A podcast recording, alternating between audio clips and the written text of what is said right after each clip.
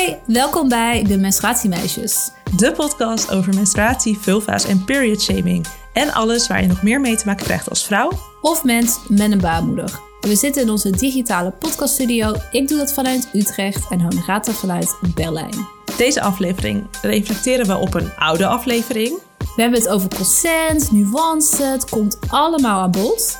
Verder vragen we onze gasten het hemd van de baarmoeder. Het Lieke komt met een gouden cup die wel over sport gaat, maar niet over volleybal. Niet te geloven.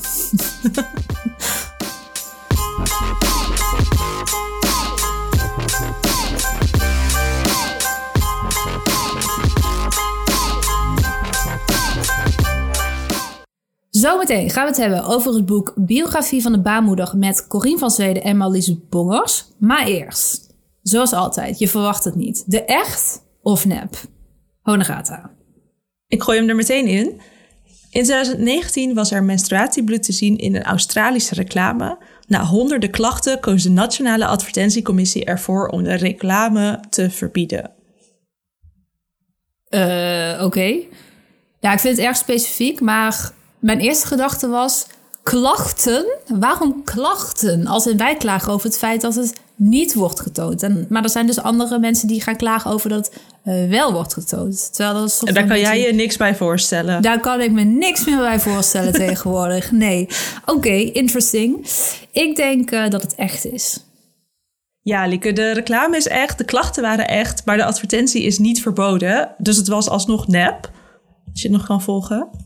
Ja, ik kan het wel volgen, maar ik weet niet wat ik van deze methode vind. maar ik heb het deels wel goed. Op de grens. Ja, op de grens. Ja. Maar goed, vertel. Um, wat wil je weten?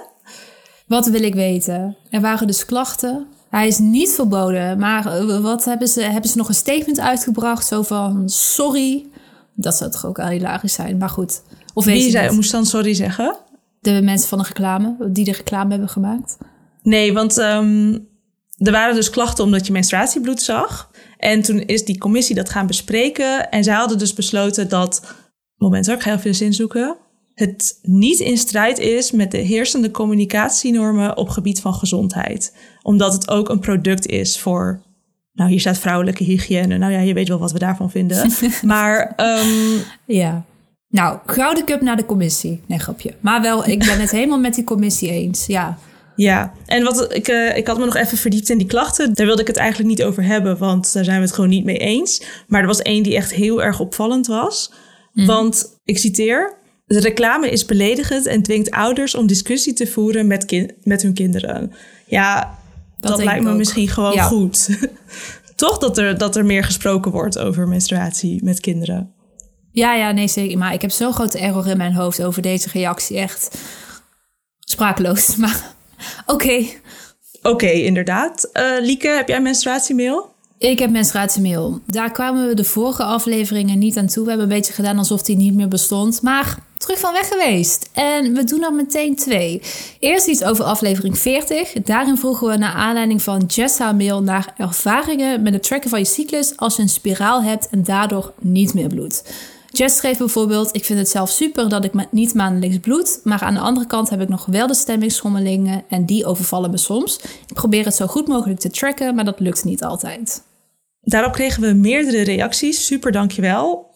Maar we hebben nog geen sluitend antwoord. Dus ik zeg op de lijst met vragen voor weer een aflevering met onze huisgynaecoloog. Want misschien weet zij wel hoe je dit moet gaan tracken. Ja, eens. En dan zeg ik door naar menstruatiemail nummer 2. We kregen een DM over aflevering 14. Dat is aflevering Let's Talk About Menstruatiesex Baby met Linda de Munk. In die DM stond dat in de aflevering werd genoemd dat de mening van de menstrueerder leidend was en belangrijker dan de consent van de ander. Nou, ik meteen helemaal in paniek, maar ik had niet direct tijd om die hele aflevering terug te luisteren. Dus ik reageerde onder andere met: Ik ben het met je eens. Bij mij weten hebben vooral de algemene associaties met menstruatiebloed besproken. En dat die niet ver zijn, slash het taboe in stand houden. Maar dat is geen reden om je menstruatiebloed tijdens de seks ongevraagd aan iemand op te dringen. Jammer dat dat zo is overgekomen. Honorata, jij hebt inmiddels wel teruggeluisterd, toch? Ja, ik zat te luisteren. Alles helemaal prima. Werd benoemd dat het niet erg is als je het wel vies vindt. Of course. Dat je niet menstruatieseks moet hebben. Klinkt als ons. Dat je mensen niet kunt verplichten. Ja. Ja, ja. Jij tevreden, ik tevreden. Helemaal blij. En toen hoorde ik opeens... Ja, je praat heet het door me heen. Wat Sorry. een eh, interactie hier. Toen hoorde ik opeens het stukje waar deze DM volgens mij over gaat. En als je dat ene fragment eruit haalt... dan kan je inderdaad het zo interpreteren zoals in de DM werd omschreven. Maar ik denk dat in de aflevering ook minstens vijf keer het tegendeel wordt genoemd. Zoals ik net al citeerde. Ja. En dat is op zich ook wel logisch, want natuurlijk zijn we helemaal team consent. Maar ik wilde wel even van dit moment gebruik maken om het ook over nuance te hebben. Want soms moet ik zoveel nuance aanbrengen dat ik gewoon helemaal de weg kwijtraak. Ja, wat ik vooral lastig vind, is dat als we vergeten de nuance te geven, dan lijkt het alsof we het tegenovergestelde ervan zeggen, als je snapt wat ik bedoel. Maar dan zijn we alleen de nuance vergeten te benoemen. Ja, ik kan ook wel iets concreter gaan, want ehm, er zijn ook zoveel lagen van nuance. Kijk, ik denk dat bij op het onderwerp menstruatie begint het met niet alleen vrouwen menstrueren en niet alle vrouwen menstrueren. Dat moet, dat moet gewoon duidelijk zijn. Vraag 2 is dan wel, moet ik dat onder elke post zetten? Al wat Ja. als er staat menstrueerders, begrijpt iedereen dan dat ik niet alleen vrouwen bedoel? Misschien zijn er Mhm. mensen die denken als er staat menstrueerder, dat is een vrouw. Ehm, vervolgens heb je weer dat er mensen zijn die vinden dat dan de vrouw wordt uitgewist. Nou, daar hebben we het ook wel eens over gehad. Of bijvoorbeeld, we zijn ook vaak kritisch op bedrijven die het taboe in stand houden. Bijvoorbeeld met verpakkingen die niet ritselen. Maar vervolgens weet ik ook dat er mensen zijn die bijvoorbeeld trans zijn of non-binair, die juist voor wie dat juist wel prettig is. Maar dus dan heb ik aan de ene kant kritiek erop dat ze het taboe vergroten. En aan de andere kant weet ik ook dat het een uitkomst kan zijn voor mensen die wel graag wat anoniemer willen menstrueren. Ja. En ik heb nu wel dat ik eigenlijk soms geen zin meer, ik durf het bijna niet te zeggen, maar geen zin meer heb om een Instagram post te maken. Want het voelt voor mij alsof wat ik doe en zeg heel erg onder een vergrootglas ligt. Nou, dat is ook wel een beetje zo. En dat is denk ik ook wel een beetje terecht. Ik denk dat we een bepaalde verantwoordelijkheid hebben genomen door dit onderwerp. Jeetje, het valt me helemaal zwaar. ja, jeetje, heel verhaal. ja, maar ik wil het er echt een keer over hebben. Ehm, ja. Maar het betekent wel dat ik soms gewoon geen post maak. Omdat ik gewoon geen energie heb om alle nuances in te bouwen. Plus, je kunt je ook afvragen of het terecht is. Ik bedoel, wij steken echt heel veel tijd hierin, in de podcast en op Instagram. En Ja. ik vraag me af of, of er van ons dan nog meer gevraagd kan worden. Terwijl er zijn misschien mensen die echt actief het taboe in stand houden. Ja. Er was wel eens een tijd dat we echt zo vijf PS'en hadden. We- weet je dat nog? In onze post. Echt zo P, PS1. Niet alleen en niet alle vrouwen menstrueren. PS2. En dan weer een, een side note of nuance. Ja. Ehm, en tegenwoordig doen we dat volgens mij niet meer echt. Maar mijn punt ging dus inderdaad over... en jij hebt nu een goed voorbeeld gegeven daarvoor. Stel, we laten die PS'en weg. Dan lijkt het alsof we dat niet erkennen. Maar het enige wat we doen is dat we het een keer niet benoemen. Want we hebben het al honderd keer benoemd. Dus de balans daarin is gewoon lastig. Ja. Ja, lastig. Nou, eh, wil je ons eh, hierin helpen? Heb jij het antwoord op het gebied van nuance? Heb jij nog meer feedback? Wil je ook dat we de podcast beginnen met een rectificatieronde? Stuur Ja. dan een menstruatiemail in via menstruatiemeisjes.nl slash menstruatiemail. Het is weer een boekenclub aflevering. We hebben al twee keer zo'n aflevering gemaakt. De eerste ging over de Vagina Bijbel met Jen Günther. Dat is aflevering 22. En in de tweede bespraken we een steekje los met Iris de Haag. Aflevering 30. Zo, ik moet lachen, want ik had die nummers er niet ingezet. Maar het heeft Honoraat van mij gedaan in het script. Nou, weten jullie dat ook? Aflevering 22 en aflevering 30. Heb ik dat Lieke goed... boeit het eh, niet als jullie afleveringen goed kunnen of jullie ze kunnen vinden. Heb ik dat goed gezegd, Honorata? Hebben, had ik al aflevering 22 en 30? Oké. Het lukt ons altijd om de auteur in de aflevering uit te nodigen. En nu ook weer. Maar eerst mogen we weer de communicatiemeisjes uithangen en een omslag bespreken. Ik vond hem mooi. Jij, Lieke? Ik, ik vond hem ook mooi. Ja, eh, waar zal ik eens beginnen? Misschien bij de titel, want die staat ook gewoon op de, op de, omslag. Biografie van de baarmoeder. Nou, die vind ik om twee redenen leuk. Ten eerste, een soort van grapje. Biografie, die schrijf je normaal over personen en niet over organen. Dus dat vind ik leuk. En Ik spot een alliteratie. Biografie van de baarmoeder. Dat vinden wij als Nou, menstruatie meisjes natuurlijk fantastisch. Dus eh, nee, ik vind de titel helemaal leuk. Ik vind de kleuren ook mooi. Ik, ik spot ook onze kleuren een beetje. Ik zie een lila, ik zie een licht roze, ik zie een rood. Ja, wij hadden al ontdekt dat dat gewoon heel goed werkt samen. Dus eh, daar word ik blij van. Ik heb ook gezien dat Ehm, onze boeken, ons boek staat er heel mooi bij. Als je een stapeltje van twee van maakt. Oh, dat heb ik nog niet ontdekt. Maar dat kan ik eh, gaan uittesten. Ja, maar ik geloof het meteen. En verder heeft het eh, boek gewoon een minimalistisch design. Maar daar zijn wij volgens mij beide wel fan van. En het heeft een beetje ronde kleurvlakken. Dus in die kleuren die ik net benoemde. En ik moest bij deze vorm een beetje denken aan mijn andere werk. Want eh, daar heb ik grafische stagiairs. En daar zou ik zeggen, oh, je hebt echt goed gebruik gemaakt van organische vormen. Dus dat heeft deze designer ook uitstekend gedaan. Ik vraag me Ehm, heel erg af, Lieke, mis jij iets? Wat zijn dit voor organische vormen? Mis ik iets? Jij mist Oh, iets. oh my god.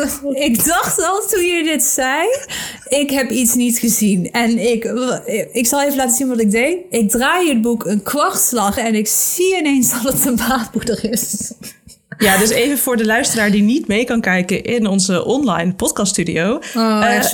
Er staat een baarmoeder op en dat veroorzaakt onder andere de organische vormen en de verschillende kleurvlakken. Liek had het niet gezien. Verder heel erg bedankt voor deze Oh. omslagreview.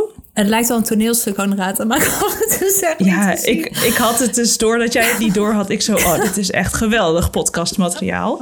Zo kunnen we het niet Oh my scripten. god. Ja, oké. Nou, weet ik dat ook weer. Ik wilde tot slot nog even eh, iets over de auteursfoto zeggen. Want eh, weet je nog hoe dat bij ons ging, Honorata? Ja, Jij denkt, ik ga vooral niks anders zeggen, want je weet niet wat ik wil bespreken. Nou, onze auteursfoto is in mijn huiskamer gemaakt. En voordat we die foto gingen maken, dacht ik echt dat we zo'n hele glamour shoot zouden krijgen. Echt in een studio en bladibla. En uiteindelijk kwam het op neer dat gewoon tegen witte muur in mijn woonkamer de foto werd gemaakt. Maar ik spot een trend in auteurfotograf- auteursfotografie. Namelijk dat het gewoon gebruikelijk is om mensen zoals ze zijn in een natuurlijke habitat op de foto te zetten. Onze foto is natuurlijk ook heel mooi geworden. Maar ik zie dat Marlies en Corine ook gewoon bij hun thuis, denk ik. I mean, ik zie een afzuigkap, Nou, ik, ik zie- een gordijntje. ik dacht dat ik... Oh, is dat een afzuigkap? Ik had het als ziekenhuis geïnterpreteerd. Ja, jij kan die baarmoeder spotten, maar ik spot die afzuigkap gewoon. Oké, nou ik zet wel even een foto in de show notes. Eh, Ja. Kunnen jullie meedoen met de discussie afzuigkap of ziekenhuis? Hè? Dit, nee, dit is toch geen ziekenhuis? Wat, wat moet dit Ja, zijn? maar dat is de discussie. Ja, nee, dat snap ik wel. Maar ik, ik heb het gevoel alsof ik al gewonnen heb. Oké, ja, nee. is Nou, goed. dat is Eh. Laat, laat ons weten wat jij denkt. Oké, anyway. Genoeg over die omslag. Gaan we nu naar de inhoud. Maar daarvoor ga ik eerst toch nog even terug naar die omslag. Als je me nog kan volgen. Want op de achterflap staat... Over baarmoeders in bedrijf en baarmoeders in rusten. Over zieke en gezonde baarmoeders. Getransplanteerde baarmoeders en kunstbaarmoeders. En over de symbolische en emotionele waarde. Nou, daar gaan we het over hebben met de auteurs. Corine, Marlies, welkom. Leuk dat jullie er zijn. Zeker, heel leuk. Ja, hallo, leuk. Marlies, jij bent eh, gynaecoloog en bijzonder hoogleraar aan de Universiteit van Maastricht. En Corine, jij bent journalist en schrijver. En je schreef eerder al Borsten, de levensloop van een intiem lichaamsdeel. Meteen een extra boekentip dus, want Honorata en ik dit enjoy. Maar nu, over jullie nieuwe boek. Ons viel iets op. Want jullie schrijven in het boek dat baren de core business is van de baarmoeder. Maar jullie noemen ook dat je maar 2% van je leven aan zwanger zijn slash baren besteedt. Dus toen vroegen wij ons af, als menstruatiemeisjes, zou je je dan niet kunnen stellen dat menstrueren inmiddels de core business is? Ehm, je, je zou dat kunnen zeggen, ehm, want het is, maar het is natuurlijk niet altijd zo geweest. Want het was eh, nog niet zo lang geleden zo dat je een heel groot deel van je leven bezig was met zwanger zijn en baren. Vanaf de tijd dat je vruchtbaar was en er nog geen voorbehoedmiddelen waren, werd je zwanger. En nou ja, borstvoeding, volgende zwangerschap enzovoort. Dus de situatie die we nu hebben is heel erg nieuw. Inmiddels is het zo dat Nederlandse en Vlaamse vrouwen nog 1,55 kind gemiddeld in hun leven baren. Dus als je dan uitgaat van een leven van minimaal 80 jaar, dan heb je inderdaad maar een paar procent van de tijd dat je met zwanger zijn en baren bezighoudt. Maar menstrueren betekent natuurlijk ook dat, um, dat doe je omdat die baarmoeder in staat is tot zwanger zijn en baren. Dus het heeft wel heel erg met elkaar te maken. Ja, maar daarin ben ik eigenlijk ook wel een, uh, een oud menstruatiemeisje. Want ik, ik vind ook echt dat, uh, dat er toch veel meer aandacht moet zijn voor het menstrueren van die baarmoeder. En niet ja, natuurlijk is het ook altijd om onze soort voor te planten. Maar als we ons niet focussen op die menstruatie, dan blijft het een taboe en dan blijven we er moeilijk over doen. Nou, volgens mij zijn we dan wel een beetje gerustgesteld dat, men, dat menstruatie ook uh, belangrijk is. En dan de volgende vraag. Want we lazen in jullie boek heel veel statistieken van hoe vaak menstruatiegerelateerde aandoeningen voorkomen. Bijvoorbeeld PMS bij 5%, PCOS bij 5 tot 10%, hevig bloedverlies bij 20%, endometriose ook bij 20%. Nog één getal, adenomiose bij 5 tot 7% Tel daarbij PMDD, vleesbomen, baarmoederhalskanker, etc. op. En het lijkt ons statistisch haast onmogelijk om geen baarmoedergerelateerde aandoening te hebben. Kunnen jullie ons helpen met deze gedachten? Nou, uh, weet je, eigenlijk is het zo dat je die dingen natuurlijk niet allemaal op kunt tellen. En het is zo dat veel zaken eigenlijk samengaan. Dus endometriose en adenomiose gaan heel veel samen. Hevig menstrueel bloedverlies kan daar dus eigenlijk ook onder vallen. Dus het is wel zeg maar trapsgewijs. Maar uh, er zijn zeker ook vrouwen die een baarmoeder hebben die geen problemen veroorzaakt. Maar ja, er zijn echt wel heel veel verschillende eh, lastige oorzaken die voor vrouwen heel vervelend zijn. Dus er is toch echt een heel groot gedeelte van uh, de vrouwen op de aardbol die wel last hebben. Maar niet iedereen. En is er dan ook een reden waarom dat er dan zoveel zijn? Zoveel aandoeningen bij de baarmoeder? Ja, een reden, weet je. Dit zijn de afwijkingen die er zijn. En voor de baarmoeder geldt eigenlijk, als je bedenkt, die, die kan kwaadaardig worden. Er zijn dus heel veel organen die kwaadaardig kunnen worden. Maar bijvoorbeeld de myomen, de vleesbomen. En ik, ik wil het eigenlijk heel erg graag over die spierbollen hebben. Want uh, ja. eindelijk zijn ze dat. Sorry, dat heb ik in het boek ook gelezen. Staat hier toch gewoon vleesbomen. Ja, Goeie correctie. Ja. ja. Dus ik, uh, die spierbollen, die, um, daar is de baarmoeder wel uniek voor. Dus die, ja, de baarmoeder heeft dus ook een aandoening die echt heel veel voorkomt. Um, wat andere organen niet hebben. Dus daarin, ja, heb je misschien wel een baarmoeder wel toch wat meer uh, afwijkingen dan een andere organen. Dan klinkt het eigenlijk wel juist nog extra oneerlijk dat de baarmoeder dan relatief weinig aandacht krijgt. Absoluut. Daar ben ik helemaal met je eens. Helemaal met je eens. Gaan we regelen vandaag. Ja. ja. In het boek behandelen jullie ook de gender pain gap. Kunnen jullie vertellen wat dat is? Ja, dat is het eh, verschil tussen mannen en vrouwen als we het hebben over pijn. En dat is ook heel lang onderbelicht geweest. Maar er is in, even kijken hoor, 2018 is er een heel grote literatuurstudie geweest. En daar hebben ze onderzocht hoe er wordt gepraat over pijn bij mannen en pijn bij vrouwen. En dan blijkt dat als het over pijn bij vrouwen gaat, gaat het heel vaak in termen van simulatie, gevoeligheid, overgevoeligheid, klagerigheid of hysterie. En als het gaat over pijn bij mannen, worden dat soort woorden nooit gebruikt. Dus dat is eigenlijk in het kort waarvan je zegt dat is de gender pain gap. Um, daar zit nog veel meer aan vast. Er wordt op pijn van vrouwen dus anders gereageerd en is vaak ook later gereageerd. Dus er zijn allerlei studies met allerlei verschillende uitkomsten, maar steeds opnieuw komt het terug. Mannen worden eerder gehoord als ze pijn hebben. Mannen worden eerder behandeld als ze pijn hebben. Vrouwen worden vaker weggestuurd. Uh, vaker alleen een pijnstiller en geen behandeling. En de bewijzen stapelen zich op hiervoor. En er is nu de laatste jaren eindelijk aandacht voor, voor dit verschil.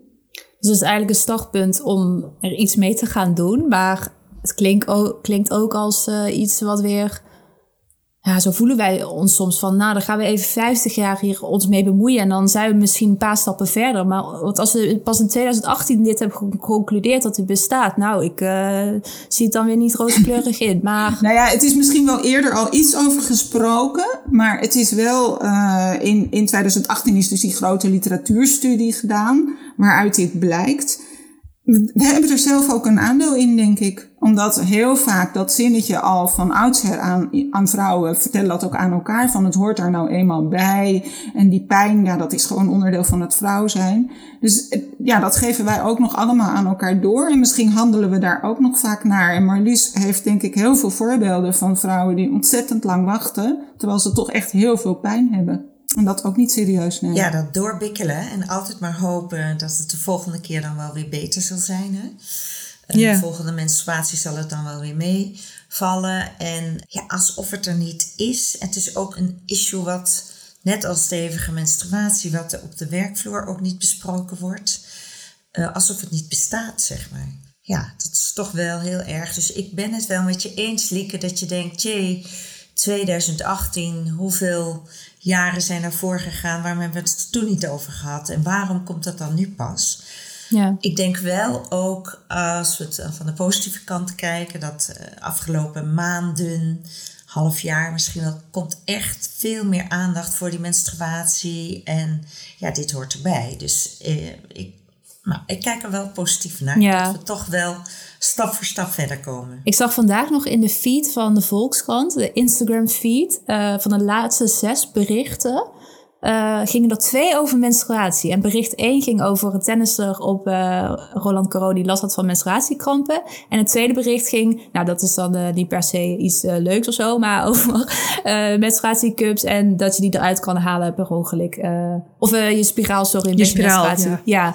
maar van de zes berichten twee vond ik een prima score. Ja, en ik vond dat voorbeeld van die tennister ook heel erg interessant. Want ik denk dat het misschien vijf jaar geleden en misschien ook wel twee jaar geleden was het waarschijnlijk nog niet gezegd dat dat kwam door menstruatiekrampen. En dat werd nu gewoon in het nieuws gebracht. Van dat was de reden waarom dat tennissen niet meer lekker liep. En dat is echt een verworvenheid van, uh, nou ja, een hele recente verworvenheid, wat Marlies ja. ook net zei. Ik heb ook uh, in het begin deelde ik alle nieuwsberichten op onze Instagram. Als ik eentje zag over menstruatie, dat was dan af en toe. Maar het is nu bijna dagelijks. Ik hou het gewoon ook niet meer bij. Dus dat is eigenlijk wel een hele mooie ontwikkeling dat daar meer over uh, gepraat wordt. Er is een ander onderwerp, ik maak even een heel mooi bruggetje, waar wij als menstruatiemeisjes nog niet over gepraat hebben. En nou, één onderwerp, twee onderwerpen. En dat zijn de bevalling en de overgang. Daar schrijven jullie ook in jullie boek over. In dat deel las ik ook over een kunstbaarmoeder. Wat is dat precies? Ja, het is eigenlijk een heel prachtig initiatief. In mijn uh, ziekenhuis werkt Kiet Oei als hoogleraar en uh, aan de Technische Universiteit van Eindhoven en uh, in het ziekenhuis als gynaecoloog. En hij doet vooral verloskunde.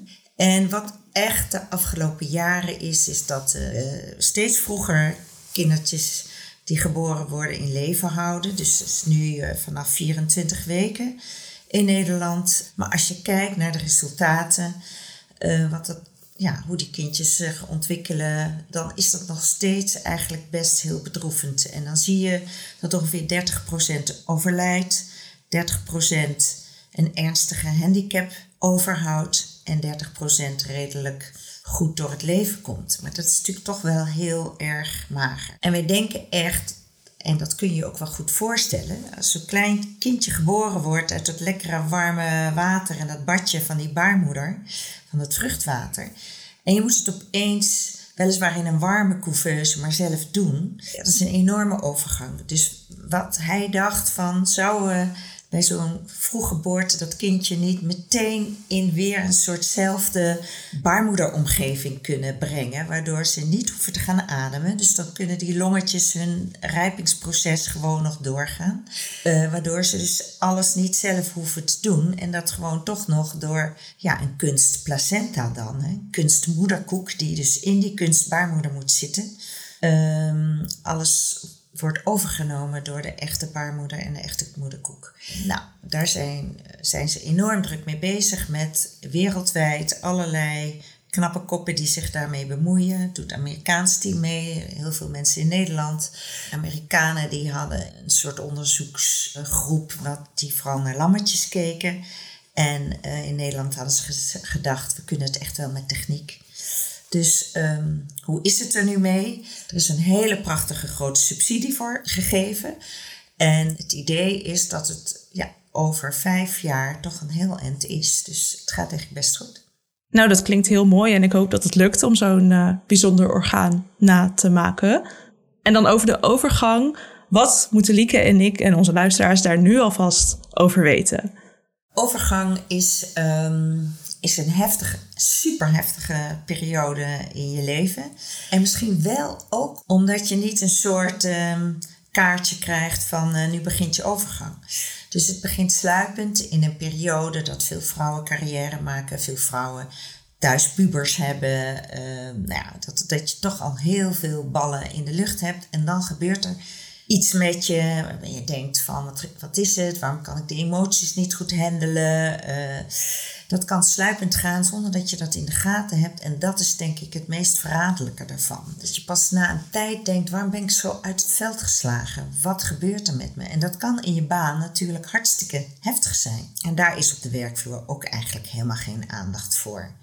Als je echte opvliegers begint te krijgen denk ik, en je zo rond de 50 bent, dan denk je, oh ja, ja, ja, ja, dat is de overgang. Maar bij sommige vrouwen begint het al veel vroeger en langzaam. Ja, waardoor je het niet herkent en waardoor de omgeving het niet herkent en je dus gewoon met jezelf worstelt. Dat is heftig. En er is dus een heel groot verschil met de puberteit, waar je bij puberteit misschien borstontwikkeling hebt of haar. En je denkt, oké, dan komt er nu een heleboel. En bij de overgang is er dus niet zo'n lichamelijk punt waarvan je kan zeggen: hopla, volgens mij zit de overgang. Nou ja, kijk, bij de puberteit kan het je ook enorm overvallen. En dat je niet precies weet wat er gaat gebeuren. Maar we, zijn, we kijken ook anders naar de puberteit. Want dat vinden we een beloftevolle periode. de, de vruchtbaarheid, de volwassenheid breekt aan. Dus ik denk dat daarom het ook anders wordt ervaren. Dus het, wordt, het is ook verwarrend, het gaat met heftige dingen te gepaard. En er komt nog iets bij. Puberteit is bij jongens en bij meisjes. En die overgang, dat is toch echt iets van vrouwen. Bij mannen neemt de vruchtbaarheid ook af, maar dat gaat op een heel andere manier. Bij vrouwen is dat toch echt een moment in de tijd. En het is, zeg maar, voor veel vrouwen toch een gevoel van: oh, het is afgelopen, ik ben niet meer aantrekkelijk, uh, ik word ouder. Dat zijn allemaal dingen die we in onze maatschappij met een soort van negatieve gevoelens labelen. Dus daarom is het ook heel anders. Dus we willen dit ook eigenlijk helemaal niet. En dat we de overgang of de eerste verschijnselen al vroeg zouden kunnen beginnen. Soms al zo ergens in je dertiger jaren. En dat wil je ook liever niet weten. Dus ik denk dat er ook nog een psychologische kant aan zit. Ja, dat je een soort van cognitieve dissonantie hebt. Zo van, oh nee, is niet een menopauze of overgang. Nee hoor, ik uh, negeer net even wat er gebeurt. Zo, bedoel je dat? Ja, dat het, het is natuurlijk niet een, een, iets waar je naar uitkijkt. En het omgekeerde, dus zeg maar de andere kant van het verhaal, die puberteit, daar kijk je vaak wel naar uit. Hoewel dat ook met allemaal gedoe gepaard gaat.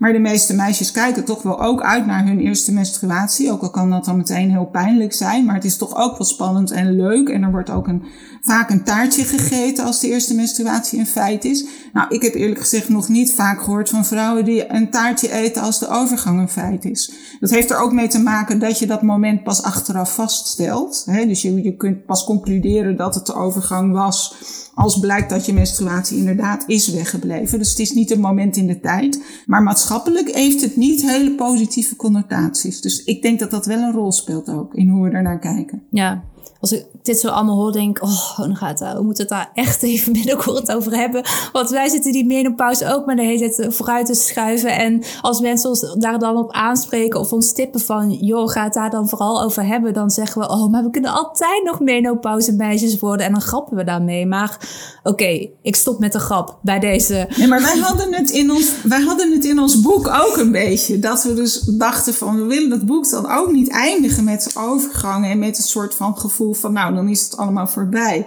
En daarom hebben we dat laatste hoofdstuk ook genoemd, de periode waarin de baarmoeder niet in bedrijf is. En dan gaat in dat hoofdstuk dus ook over de jaren voordat je ongesteld wordt. Eigenlijk met hetzelfde idee van, je wil niet dat het, ja, op zo'n manier een soort van alleen maar akelig eindigt of zo. Ja. Terwijl na de menopauze leven we tegenwoordig gemiddeld nog, nog 30 jaar. En dat kunnen hele fijne jaren zijn, um, vinden Marlies en ik ook allebei. Waarin je ook niet meer gehinderd wordt door al dat gedoe van de baarmoeder waar je in het leven daarvoor mee te maken hebt gehad. Dus het is niet alleen maar negatief. Ja, en bovendien zijn er al best heel veel dikke boeken geschreven over de overgang. Hè? Wij wilden vooral over de baarmoeder, dus die baarmoeder die dan weer klein wordt en weer uh, ja, toch, toch een beetje daar uh, zijn laatste jaren ja, zonder, zonder veel toe te voegen, maar ook zonder veel last te geven uh, daar blijft. De baarmoeder die op vakantie is, zeg maar. Ja, bijvoorbeeld. Ja. ja, maar dat is een leuke vergelijking die jij maakt, Honorata. Want wat ik een ontzettend grappige ontdekking vond als werkend aan dit boek, is dat als je de baarmoeder, de baarmoeder zelf is niet oud en versleten en houdt er niet uit zichzelf mee op, maar die, ze houdt ermee op omdat de aansturing door de hormonen wegvalt. En als je dus een, bijvoorbeeld een, een dochter hebt die om wat voor reden dan ook geen baarmoeder heeft of geen baarmoeder meer heeft, dan zou je een baarmoeder kunnen transplanteren. En dan kun je ook de baarmoeder gebruiken van een moeder die al na de overgang is. En als je die baarmoeder transplanteert en die baarmoeder weer blootstelt aan hormonen, dan gaat ze gewoon weer aan het werk. Dus dat vind ik wel, ja, dus die vergelijking met op vakantie is eigenlijk heel goed. Het is niet afgeschreven. Het orgaan doet het eigenlijk nog wel. Ik vond dat een geweldige, ik, ik wist dat absoluut niet, maar dat je dan zwanger kan worden. He, dat dat ook voorgekomen is met de baarmoeder waar je zelf ook uit geboren bent. Ja, dat is wel heel bijzonder. Ja, dat is ook heel bijzonder. En dat is ook wel echt een heel mooi uh, verhaal dat dat ook echt gelukt is.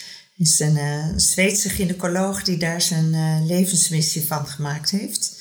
En eigenlijk als jonge gynaecoloog zo getriggerd werd door een vrouw die haar baarmoeder kwijtraakte vanwege een kwaadaardigheid. En aan hem vroeg, kan ik dan niet een andere baarmoeder krijgen? En toen dacht hij, dat wil ik gaan uh, verwezenlijken. En dat is dus echt gelukt. En uh, Zweden is nog steeds, denk ik, het centrum die dat het allermeeste doet. Maar tegenwoordig ook uh, elders in de wereld hebben. Heeft het aan veel anderen geleerd. Dus dat is ook heel mooi. Marissa hier van Vriend van de Show. Met een boodschap van algemeen nut. Deze podcast wordt met veel liefde, plezier en eigen geld gemaakt.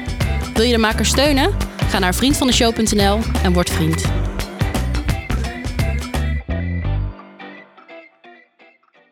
Corinne, jij schrijft over je operatie uh, aan je eierstok en blinde darm. Uh, ik vond het best wel een heftig stukje. Zou je willen vertellen wat er precies is gebeurd en hoe het dan was om tijdens het schrijven van het boek was te begrijpen wat er is gebeurd? Lange zin. Ja, ja, het is een lange zin. Nou, het is ook lang geleden. Um, ik was een jaar of twaalf en ik had verschrikkelijke buikpijn en moest ontzettend overgeven en werd zieker en zieker. En mijn vader bracht mij uh, eerst naar de huisarts en die zei hup hup naar het ziekenhuis. En daar kwam ik aan met, uh, met verschrikkelijk veel pijn. En ik weet nog dat ik meteen dat hele prachtige wit vers opgemaakte ziekenhuisbek onderspuugde.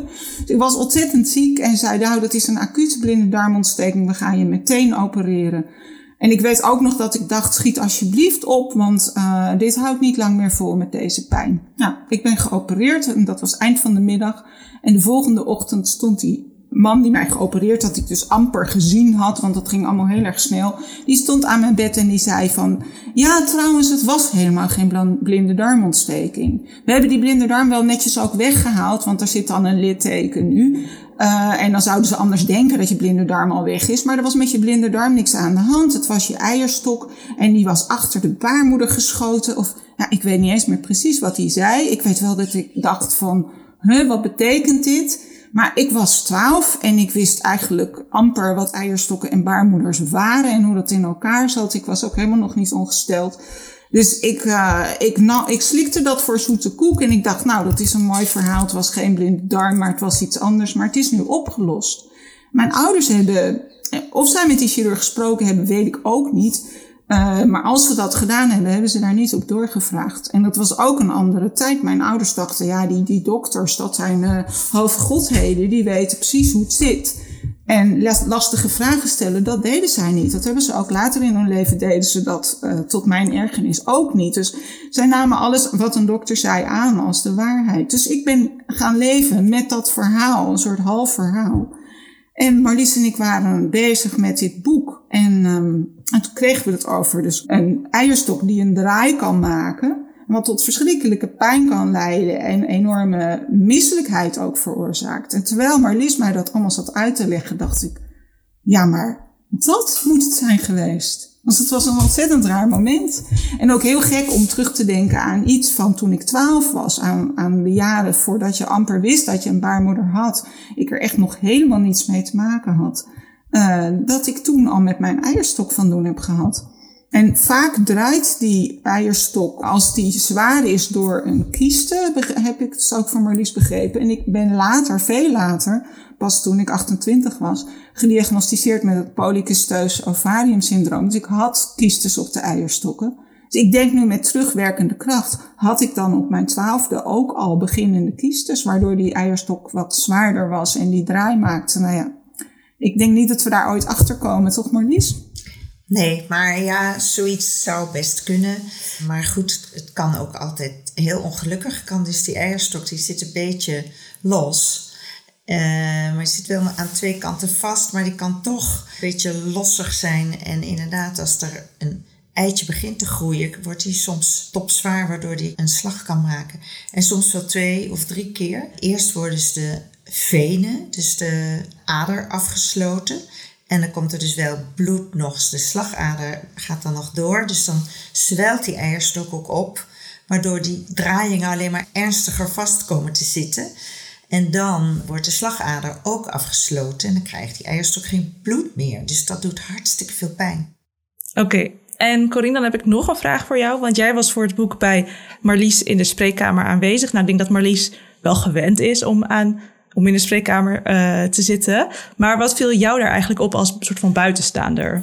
Nou, het, eerste wat ik heel erg fijn vond, was dat ik nou een keer ernaast stond en zelfs een witte jas aan mocht. En dat ik niet in die stoel lag. Want ik ben, uh, doordat ik twee keer borstkanker heb gehad, behoorlijk gewend aan patiënt zijn. En um, ik voelde me bijna euforisch dat ik daar nu als een soort semi-dokter, die verder niks hoefde te doen en ook niks kon doen, dat ik daar stond. Dus dat was heel bijzonder. En het tweede wat me opviel was iets wat ik nooit eerder heb meegemaakt bij, uh, want ik heb ook nogal wel een lange gynaecologische geschiedenis.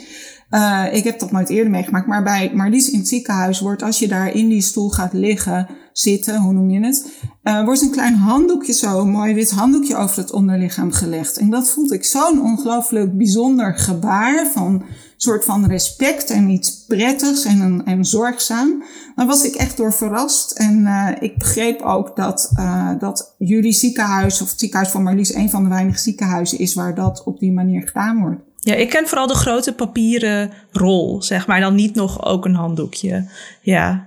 Ik ken het alle twee niet. Ik was één keer bij een gynaecoloog, geen handdoekje vooral gezien hoor. Maar uh, moet ik misschien naar Eindhoven de volgende keer. Nee, als je in het buitenland uh, bij een gynaecoloog komt, dan krijg je een soort hele kamerjas aan. Of in elk geval in Amerika. En ik ben ook in Bolivia wel eens, uh, waar ik een tijdje gewoond heb, onderzocht. Dan krijg je een soort van badjas aan. En dan gaat die arts die gaat zo heel discreet een klein openingetje tussen die flappen van die badjas zoeken. Dus dat is helemaal het andere uiterste. Ja, inderdaad. Oké, in jullie boek lazen we ook voor het eerst over een aanknopingspunt voor de behandeling van endometriose. Nou, ik viel bijna van mijn stoel, want dat maken we niet dagelijks mee. Uh, het aanknopingspunt is onderzoek naar het microbioom. Kunnen jullie daar even iets meer over vertellen?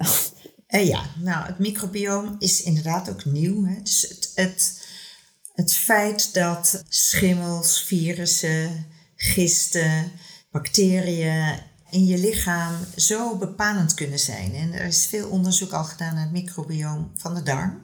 En ja, dat, daar kun je ook ziektes in zien. Je kunt dat misschien ook wel aanpassen, waardoor iemand uh, weer beter wordt. En nou, de vagina, dat weten we al best heel lang. Dat daar veel virussen en bacteriën uh, eigenlijk met elkaar mooi in evenwicht zijn. Uh, gisten natuurlijk ook, schimmels. En soms weet je het ook wel, als je antibiotica hebt geslikt, dan worden die bacteriën weggevangen daar. En dan gaan die schimmels opeens de boventoon voeren. Dus heel vaak hebben vrouwen na het slikken van antibioticum een schimmelinfectie. Nou, dat, dat is dus ook een soort microbioom. Microbioom van de baarmoeder weten we eigenlijk weinig van. Het is super moeilijk om dat te onderzoeken, omdat je altijd eerst door de vagina heen moet. En dan heb je dus die bacteriën allemaal al versleept naar de binnenkant van de baarmoeder. Maar ja, er zijn dus aanwijzingen dat ook het microbiome aan de binnenkant van je buikholte, dat dat bij endometriose patiënten er uh, anders uitziet dan bij vrouwen die dat niet hebben. En misschien is dat dus ook wel een, een begin van, nou, als we dat dan weer in evenwicht zouden kunnen brengen, verdwijnt de endometriose vanzelf of wordt die vanzelf onderdrukt? Nou, dat weten we allemaal nog niet. Er is ook nog een super lange weg te gaan.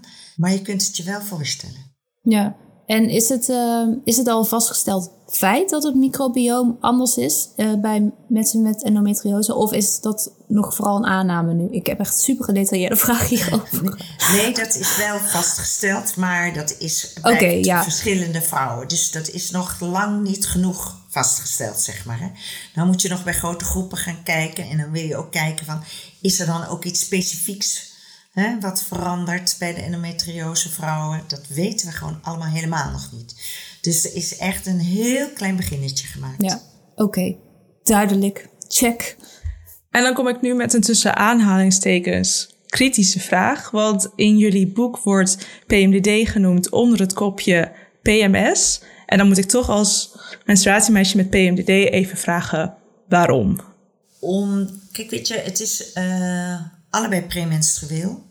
En PMDD is gewoon wel echt zwaarder. Wordt ook in de psychiatrie als, als punt aangemerkt. Uh, maar omdat het zo ontzettend gerelateerd is aan de cyclus, horen ze toch, zeg maar, hebben we ze toch samengenomen. En, en ik denk dat je vrouwen met PMDD echt tekort doet als je zegt, oh, het is een beetje PMS en zo. Hè. Maar daar zit een glijdende schaal in. En per individu kan je minder erg of erger helemaal van slag zijn in die tijd. Weet je Marlies, wat ik me nog afvroeg toen ik hierover nadacht. Wij hebben een voorbeeld van een patiënt die uh, zulke enorme afschuwelijke gedachten en woedeaanvallen heeft uh, bij het boek opgenomen. En die waren heel duidelijk aan de cyclus ge gerelateerd. Maar zou je dat ook PMDD kunnen noemen? Nou, zo was helemaal niet bij de psychiater of bij een psycholoog geweest. Dus ze is op die manier niet zo gediagnosticeerd. Zij, zij heeft het voor zichzelf was het een hele stabiele vrouw, behalve die ene week. Dus zij heeft het heel erg direct bij de gynaecoloog gezocht. Ja, misschien. ja, ik las tussen de regels daar dus ook een beetje PMDD. Ik had het niet gespot, maar ik las het er wel een beetje tussendoor. En ik denk dat ik het vraag is dat als je zeg maar het boek scant... Uh, maar ja, een boek is gedrukt, dus op een gegeven moment is het, het is wat het is. Maar als je een boek scant, dan heeft natuurlijk PMDD nu minder aandacht. Want dan staat er vet gedrukt PMS. En dan denk je, oh, PMS heb ik wel van gehoord, bijvoorbeeld. En is er dan ook nog een heel groot misverstand over de baarmoeder dat jullie per direct in deze podcast de wereld uit willen helpen? Nou, ik zou dat hele idee van het hoort er allemaal bij wel graag de wereld uit helpen. Dat hebben we elkaar zo lang verteld als het over baarmoederklachten gaat en over menstruatiepijn en over de overgang. Een heleboel hoort erbij en, en bloed hoort er zeker bij en een beetje kramp hoort er ook bij. Maar er zijn een heleboel dingen die zo pijnlijk zijn, die zoveel bloed veroorzaken, zoveel pijn geven, dat het echt belangrijk is om naar een arts te stappen, omdat het er niet bij hoort. Dus dat zinnetje mag van mij uh, afgeschaft worden als het over baarmoeders gaat. En ik zou ontzettend graag die vleesboom. uh, Spierbol. eruit willen hebben. Um, ja. Sorry. Gaan we regelen. In ieder geval in onze vocabulaire, denk ik. Dan uh, zijn we op het einde. Hebben jullie nog een try this at home voor ons? Ja, ik zou eigenlijk zelf, en dat zie ik ook, en dat stond misschien ook wel in de Volkskrant, als je heel hevige menstruaties hebt, dan belemmert je dat uh, als je een topsporter bent. Maar als je gewoon probeer eens op dat moment of yoga te doen of toch een beetje mild te gaan sporten, dat helpt je. En dan voel je je op een andere manier je lijf uh, weer een beetje lekkerder. En soms met die endorfines die dan vrijkomen, helpt het ook om je menstruatiepijn uh, een beetje te verzachten. Ja, mijn idee zit een beetje in dezelfde richting. Ik heb dat zelf meegemaakt in die tijd dat ik heel erg veel last van mijn menstruatie had en nog niet eens wist dat dat PCOS was. Ben ik terechtgekomen bij een cursus uh, yoga voor vrouwen met menstruatieproblemen. En de meeste van hen hadden endometriose, waar ik in die tijd ook nog nooit van gehoord heb. Had. Um, en dat was op zo'n vrouwengezondheidscentrum en nog een beetje klassiek in de feministische sfeer van die dagen. Um, dat heeft voor mij ontzettend veel betekend, want die oefeningen die ik daar leerde, die hielpen echt tegen de pijn. En het heeft ertoe geleid dat ik tot op de dag van vandaag een behoorlijk fanatiek yoga-beoefenaar ben. En dat heeft mij door heel wat uh, pijn heen geholpen. Het heeft me trouwens ook bij de bevalling geholpen. Bevallingen. Nou, dus uh, samengevat yoga. ja. Staat genoteerd. En dan als allerlaatste, waar kunnen mensen jullie en jullie werk volgen? Oh, dat is een leuke vraag. Ehm, dus ik ben eh, onder leiding van mijn dochter, die eh, marketing en eh, online advertenties doet voor het concertgebouw. Die, die zorgt dat LinkedIn een beetje beter wordt bijgehouden. En ja, Instagram ben ik slecht in, dus ik hoop dat er af en toe iemand anders dingen daar dan op zet. Of, Nou, Marlies, dan gaan we jou volgen op LinkedIn. Heel goed. Cute. Ja. Nou, mij kan je ook op Facebook volgen en op Instagram. Trouwens ook met dank aan mijn dochters die dat bij mijn vorige boek allemaal voor mij in, uh, in gang hebben gezet. En uh, de, een van de dochters heeft nog steeds toegang tot mijn Instagram. Dus soms zegt, dan heeft zij iets gezien over de baarmoeder ergens eerder dan ik. En dan zal ik het posten. Dus wij hebben als, als wat oudere vrouwen een beetje hulp van dochters nodig. Maar ik heb dus ook een Instagram account. En ik moet zeggen dat het heel erg leuk is. Want er zijn al reacties ook van allerlei lezers via Instagram binnengekomen. Dus mensen die het boek gelezen hebben. En die dan vertellen wat ze ervan vinden. Dus dat is super leuk. En op Facebook een beetje hetzelfde. En wat is dan je Instagram, Corine? Corine van Zweden. Oké, okay, Corine van Zweden. Ja, we zullen het ook in de show notes zetten. Check. Nou, dan super dankjewel dat jullie er waren. We hebben weer veel geleerd over de baarmoeder. En, uh... Ik heb nog nooit zoveel geleerd over de baarmoeder, Lieke, in een aflevering. Ja, het was ook een understatement. Je hebt me goed gecorrigeerd, okay. ja. ja. Maar heel erg bedankt, inderdaad. Nou, heel graag gedaan. Ontzettend leuk om jullie te spreken. We zijn aanbeland bij de Gouden Cup. Naar wie gaat die deze keer? Nou, voordat ik die ga uitreiken, wil ik eerst even zeggen, Honorata. Oh my god. Ik had drie opties voor deze aflevering. Stress. Dat, dat gebeurt mij zelden. Om niet te zeggen nooit. dus ik was helemaal blij met mezelf. Ik zal de andere twee even in stories delen. Dus als je dit luistert, heb je het of gezien of gemist. Maar Honorata, weet je nog? Aflevering 21. Toen heb ik een gouden cup uitgereikt aan een Olympische zwemster. Ik weet het nog. Jij weet het nog. En weet je ook wat er daarna gebeurde? Nee. Nee. je kijkt heel veel. Nee. Nou, ik zal ook even vertellen. Want uh, ik had die Gouden Cup erbij gehaald. Omdat toen de Olympische Spelen waren. Maar uh, dit moment, uh, dus het moment waarop een zwemster in een interview over haar menstruatie was begonnen.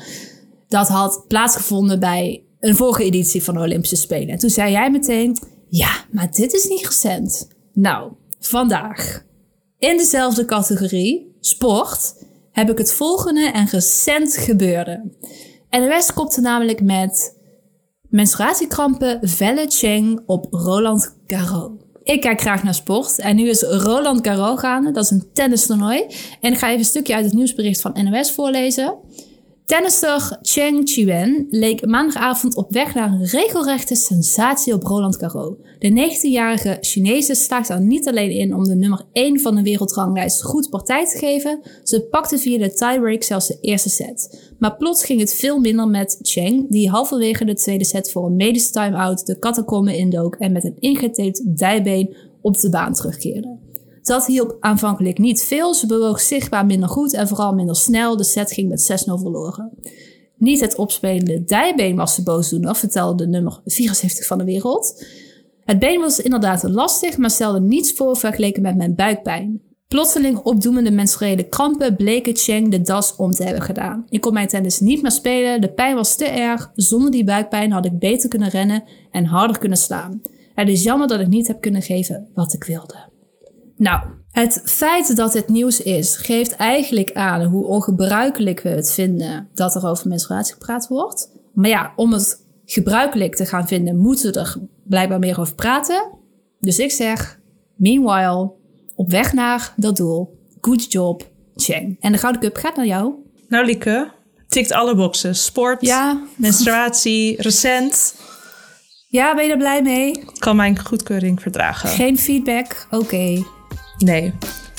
Nou, bedankt voor het luisteren. Bedankt voor het luisteren. Honorata en ik blijven nog even plakken voor de bonusaflevering waarin we het gaan hebben over een feministische blunder bij de tandarts en verwachtingspatronen en de verschillen tussen man en vrouw daarbij. Die kun je luisteren als vriend van de show via vriendvandeshow.nl slash menstruatiemeisjes. De volgende aflevering is nog even een verrassing. Niet alleen voor jullie, maar ook voor ons. Wil je die alsnog niet missen? Volg ons dan op Instagram, Spotify en Apple Podcast. menstruatiemeisjes. En op Podimo, want daar zijn we nu ook te vinden. Yes, of tip onze podcast, tell your friends, neighbors, family. Want dat is de beste manier om meer mensen deze podcast te laten ontdekken. Doei! Doei.